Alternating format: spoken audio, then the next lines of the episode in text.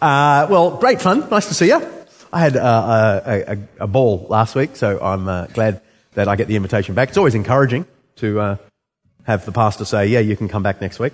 Um, and uh, as you know, if you were here last week, I'm offering this Doubter's Guide to the Christian Faith as a kind of um, uh, a reply to the skeptic who says Christians can't even work out what they believe. So many different denominations, Hillsong, Catholic, Anglican, Presbyterian. Uh, how, how could I ever believe, you know, which version of Christianity should I believe? But actually, there is one statement of the Christian faith that all the brands agree on. It's called the Apostles' Creed. It's the one that was just said to us. 83 words in the original language it was written in that all Christians go, yeah, we agree with that. So it's a great opportunity for people who just want to have the doubter's guide to the Christian faith to unpack it. Last week we talked about the existence of God, and uh, it reminds me uh, that about 12 years ago, the world's greatest atheist decided he was probably wrong for being an atheist for so many years. You may never have heard of Antony Flew, but he, in the academic world, was super famous. He's written philosophical textbooks that are still studied in universities today, arguing there's no God. He was like so on the record as being the intellectual uh, uh, opponent to the notion that God exists. Uh, Twelve years ago, he decided he was probably wrong and published a book called uh, There Is a God, and it caused a massive stir. He uh, basically said that discoveries of the masses of libraries of information in the DNA code convince him there must be some rational mind behind everything. And he said the amazing laws of physics that we now know existed in the universe the nanosecond after the Big Bang, the same laws that are still operating the universe today, the same fundamentals, that mathematics is so rational, there must be some rational mind behind everything. Here's how he put it in his nerdy philosophical speak. There exists a self-existent, immutable, immaterial, omnipotent, and omniscient being. Now, you might go, translation please. Um, he basically just means there's a God. There's a, there's a, God. Why he didn't say there's a God, you know, but he's a nerd. And so uh, this is his way of, of putting it. Christians were jubilant, thinking that he was a convert to Christianity. Yay! Around the world, they say. Atheist groups all around the world, and online especially, claimed that he was so old he'd gone senile, and his brain function had diminished, and that's why he came to believe in God. But neither was true. He had not become a Christian. He certainly hadn't uh, got senile. He'd just come to join the ranks of common sense. That there must be some eternal mind behind this orderly creation of ours. He had just come to believe the opening line of the Apostles' Creed. He wouldn't have put it like this, but basically he'd come to believe in God the Father Almighty, maker of heaven and earth. He'd come to realize that God is not a God, like Krishna, like one of the super beings in the universe that, you know, you, you, you, should be able to find as if God were like, as I said last week, a magic wardrobe hidden in the house of creation. And if you look hard enough in enough rooms, you should be able to see God. No. God's more like the architect of the house. You don't find the architect in your house. That would be weird. If you go home this afternoon and the architect is sitting in your house, you go, I, this is not, you know, is not right. Unless the architect's a friend of yours, okay, that ruins my illustration. But the point is, everything about your house speaks of God. You can know that God exists, just in the same way that you can know an architect built uh, or designed your house. It's a little bit like uh, you can know from a beautifully shot film that there's a director. But you don't actually know the director, do you? You just know that there's a director. So here's the next question that we have to ask. And actually, it's a question Antony Flew asked himself in the book and didn't actually come to any answers. How could we know what the Creator is really like? Sure, you can know there's an architect by looking at a beautifully designed house. You can't know the architect personally. Sure, you can know a director of a film exists, but you can't know the director unless the architect comes over to your home the director puts him or herself into the film, and same with God. Unless God stepped out of eternity into history, you could never know. And this is why Christians go on and on and on about Jesus Christ. And here's my first point. The centrality of Jesus Christ according to Christianity. What is the first thing you notice when you compare the second stanza of the Apostles' Creed with the first stanza? It's not a rhetorical one. Like, what, what do you notice? This is really long. It's long. It's like four or five times longer than the whole creation of the world business. In fact, f- technically, there are 83 words in the original of the whole Apostles' Creed. 56 of them are about Jesus. This tells you Christians are really into Jesus. And the whole thing hangs on one verb. Christians say, I believe in God, who made everything, and in Jesus Christ. That's a risky thing to do. It's like putting Jesus up there with God. Yeah, that's exactly what Christians do. And our Muslim friends would never do this. Your Muslim friends would not say, I believe in Allah and Muhammad. They are different kinds of belief. Totally. Uh, your Jewish friends would not say, I believe in God and Moses. But Christians do say, I believe in God the Father and in the Son. Because Jesus is central to everything. And the reason for the centrality of Jesus in Christianity is clear. By looking at Jesus, you not only learn that God exists, you learn what God is like. That God exists, you can arrive at with no spiritual or outside information. It's just logical. But what God is like and what God wants for you, you could never work out by logic. Unless God stepped out of eternity into history in the person of Jesus. And that is precisely what this creed says. That's why Jesus is central. And what we learn when we look at Jesus is that what God wants for us is amnesty. That's how I'm going to sum up what God wants for us. This word amnesty has almost dropped out of English language, except some people support Amnesty International, right? A great aid agency. But the word amnesty comes from the Greek term amnesia. Can you guess which English word comes directly from amnesia? Amnesia, yeah. Amnesia. It literally means forgetting. Usually in the context of forgiving and forgetting. That's what amnesty is. And here's my thing. Christianity, at its heart, offers amnesty to the world. God's forgiving and forgetting. Can you notice how the center of the center of the creed is Christ's suffering, death, and resurrection? So even though I said, you know, a huge part of the creed is about Jesus, but look at the middle section. Uh, he suffered under Pontius Pilate, was crucified, dead, and buried, descended to the dead. The third day he rose again from the dead. The thing I'd love you to notice is that whereas the creation of the universe gets 10 words in total, three days of Jesus' life gets 20 words.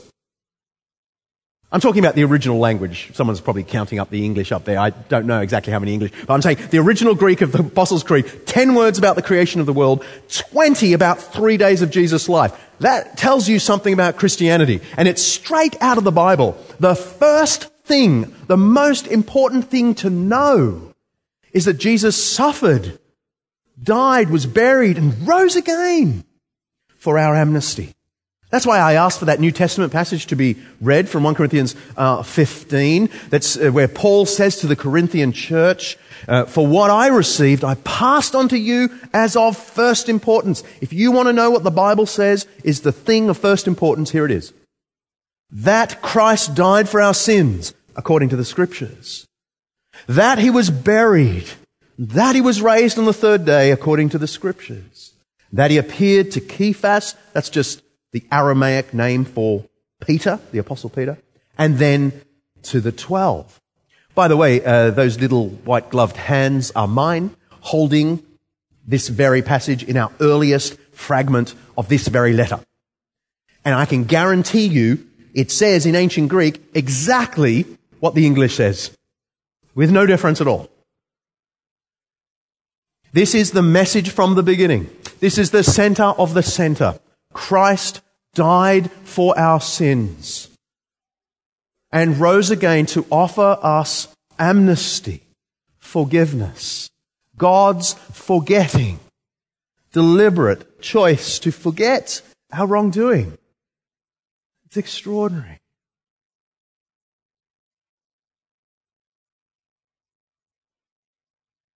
I said last week that Jesus' definition of a sinner, forget whatever definition you've ever heard, just go with Jesus. He's more reliable than any preacher you've ever heard, even the great Jeff Bates. Here's Jesus' picture of the sinner. Here it is. He offered in the parable of the prodigal son the image of a father giving the inheritance money to a son and the son going and nicking off to a foreign land and spending it on himself. There is Jesus' picture of a sinner. It isn't that he was immoral necessarily. It's that he had the audacity, the arrogance to want everything the Father had to offer and nothing to do with the Father. Wanting all the gifts but not the giver. Wanting all the creation and not the creator. And that, my friends, is Australians. This should be called the parable of the Australian. Because we are world class sinners in this sense. Maybe not immoral people, but we chase the stuff of this world and very quickly forget the giver. We are sinners. And yet Jesus told this parable not just to explain why we need forgiveness, but he gave a picture of that forgiveness as the parable closes. We're told that the son comes to his senses, and you might remember last week I just made the point that that's Jesus' idea of what it means to become a Christian, coming to your senses. Just leave that with you. And the son gets up and he comes back to the father, unaware what the father would do to receive him. And Jesus says the father, who represents God, runs, embraces, kisses the son, forgives him. Here is Jesus' picture of God. Whatever picture of God you've sort of created in your head, here is what Jesus wants to give you. God is a running, forgiving, embracing, partying parent. At the first sign of your return, he offers this amnesty, this forgiveness. And Jesus told this parable because he knew in a matter of months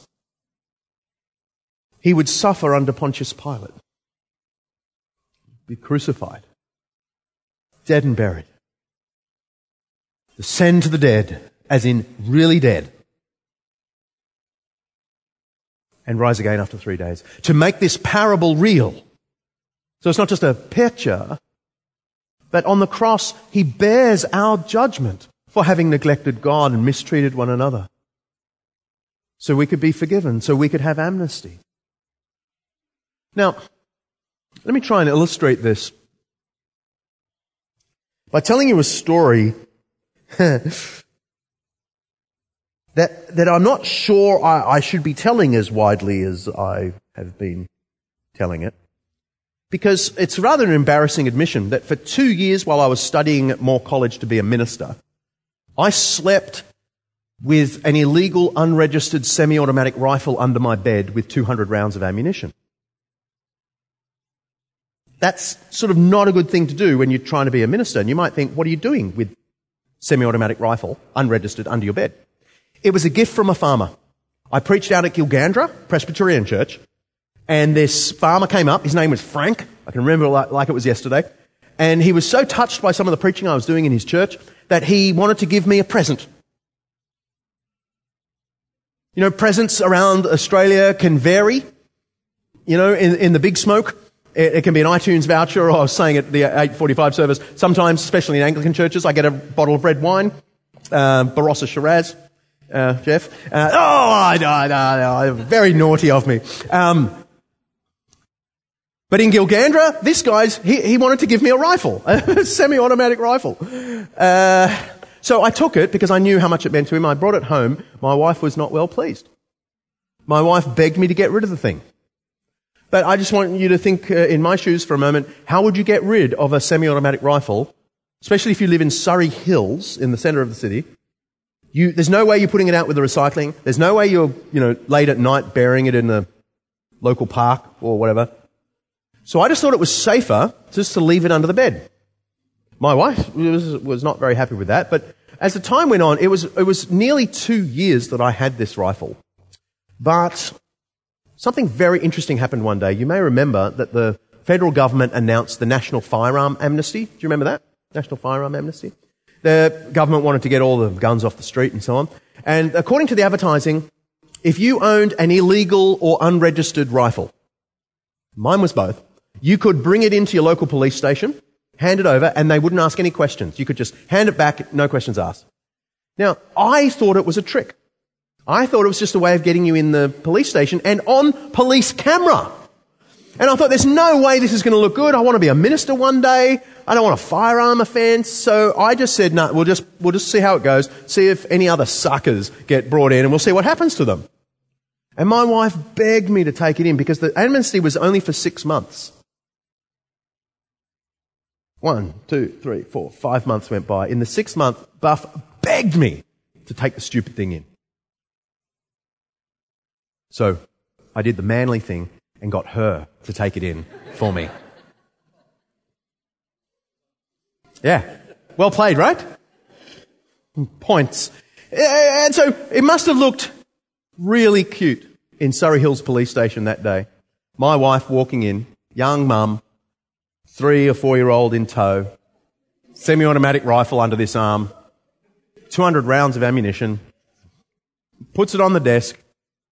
The police officer, apparently, I was nowhere to be found, apparently just smiled, thanked her very much, and waved her out of the police station. It turns out the amnesty was for real.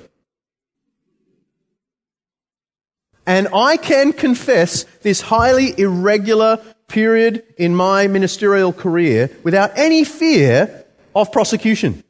Because we are the recipient of an amnesty. And an amnesty forgives and forgets. And I'm sure you can see where I'm going with this true story. It reminds me of the truth at the center of the center of the Christian faith. God is in the business of amnesty. Through Jesus' death burial, and resurrection, God forgives and forgets. Extraordinary. But I want to make one thing very clear that is true in my story, but not true in Christianity. You can't send a family member in on your behalf. Yeah? You can't sit there going, oh, well, my partner goes to church and, you know, a bit of that God stuff must rub off on me. Ever met people like that? I do all the time. No. We must go ourselves and say to God, I have sinned. Forgive me. The centrality of Jesus Christ. The center of the center is the amnesty. God offers you.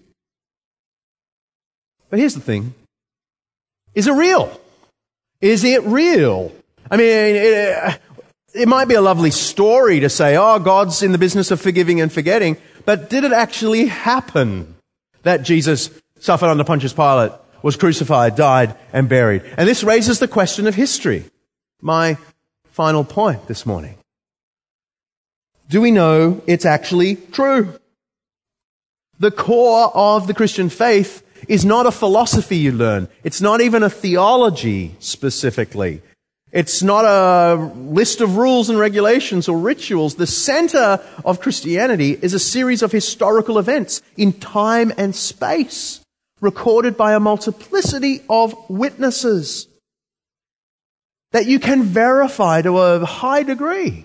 It's, it's not like Christianity is based on someone's dream in the ancient world or that it was sort of magically written in a holy book you just have to believe without questioning or some philosophical insight a guru had. That is not what Christianity is like. That's what like, uh, it's what uh, other religions are like, but Christianity is not like that. It's based on a series of actual events in flesh and blood history. Imagine I came here this morning and my sermon was not based on this stuff, but I was here just to tell you about my great great grandmother appearing to me in a dream last night to reveal the truth of the spiritual world and how you could be saved with God forever. And I preach up a storm this morning, and some of you may go, Oh, that sounds beautiful. That'd be lovely. You could never test whether it was true or not, could you? Because you, you don't even know if I had the dream. And even if I did have the dream, do you really know that it was my great great grandmother appearing to me in the dream? And even if you thought that, how could you know anything in the dream? The content of the dream was true. You can't kick the tires and investigate it. You might feel the warm fuzzies of the message, but you can't look at it as a doubter and investigate whether it's true. Now here's my point. That is like every religion in the world. It's like a dream. You can believe it. You can't test it. Can't kick the tire. But Christianity claims something very different. Christianity is more like this. This may still sound bizarre, but it's more like me saying, you know what happened? Yesterday at 10 o'clock, my great great grandmother appeared not in a dream, but at Rouse Hill town centre when all the shoppers were bustling down there. She appeared to all of them, stopped the traffic, stopped the shoppers, and then proclaimed the truths of the spiritual world and how you can be saved with God forever. Suddenly I have made a claim you could describe as verifiable. That is, you can test it. Because suddenly you can go, hang on, I want to see if that was reported on the news. I want to see if you can find any eyewitnesses. I want to see if the story itself actually corresponds to what we know of Rouse Hill Town Centre. You can begin to check it out. You can kick the tire without first believing it. You can just have a little look to see if it makes sense, to see if it is in any degree testable. What I'm saying is Christianity is more like that than a dream. Jesus entered actual time and space, actual history that we can verify. And the creed actually underlines this for us. Can you see why?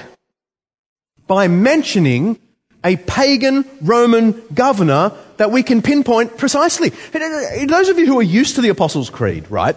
Christians, right, who are used to saying, suffered under Pontius Pilate, was crucified and buried miss how weird it is in the middle of these grand themes of the creation of the world, of God handing out amnesty, where we all have to say the name of the Roman prefect who governed Judea between 26 and 36 AD. and by the way, he left us uh, an inscription to himself, or largely to the emperor Tiberius, but in the middle of it, he, he calls himself prefect uh, of Judea Pontius Pilatus um, which means we can locate him, pinpoint him exactly in the right place at the right time. And the creed deliberately says, suffered under this one. To make the point that we are not dealing with events in Middle Earth in the land of the Hobbit, but in history of the Middle East between 26 and 36 AD. I'm not saying everything can be proven. I am saying you can come and test this one. And it really looks like it happened. Christ died, was buried, and indeed rose again. The Apostles' Creed confronts us with the centrality of Jesus Christ there's no dealing with Christianity and keeping Jesus at bay. Christianity goes on and on about the amnesty God offers because of Jesus' death and resurrection. There is no version of genuine Christianity that doesn't make that the center of the center. But it also happened in history. It's not a dream. It's not a myth. It's a fact.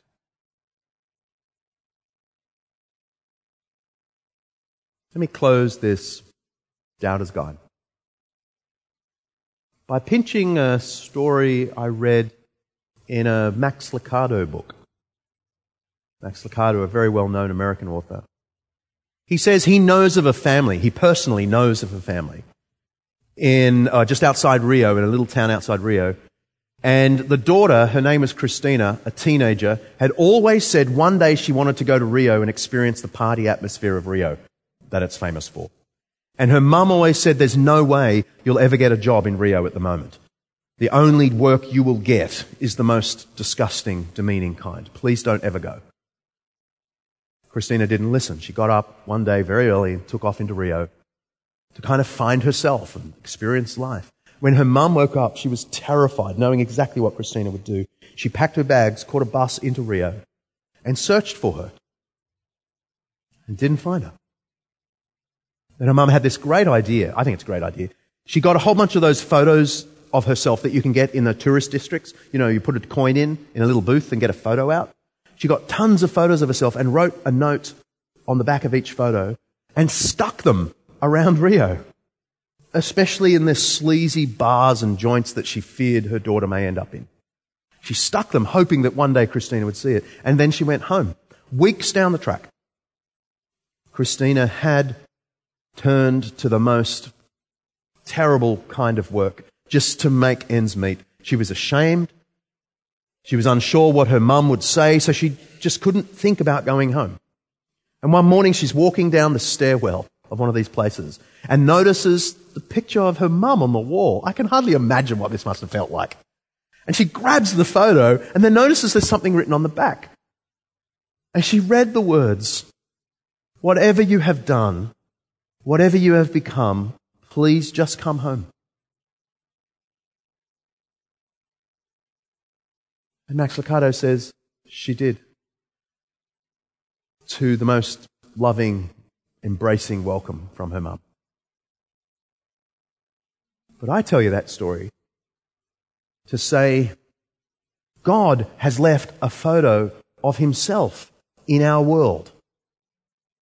In all the streets and lanes and sleazy places and Rouse Hill Town Centre.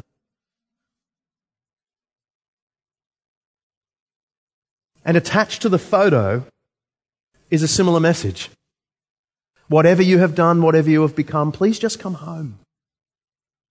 The photo is Jesus Christ, His death and resurrection, which means every one of us, no matter how far from God, how deserving of His judgment, can come home forgiven.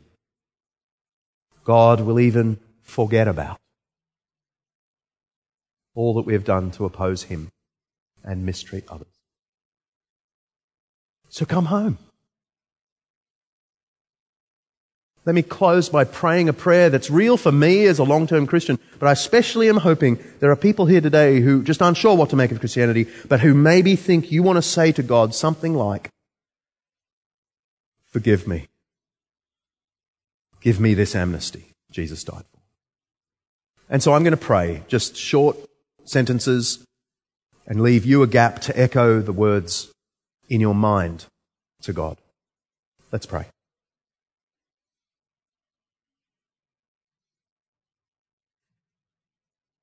God, I recognize you as the creator of all things.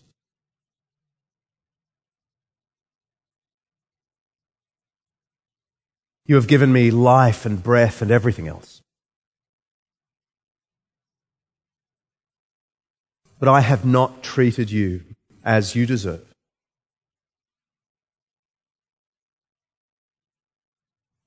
I have not treated other people as you would expect.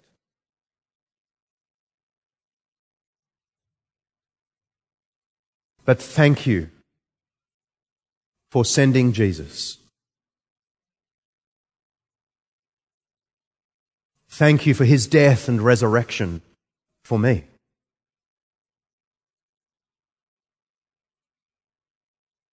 Because of him, please forgive me now.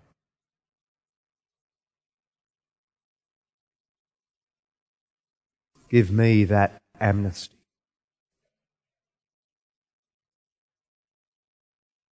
And teach me, God, how to live in the light of this love you have for me.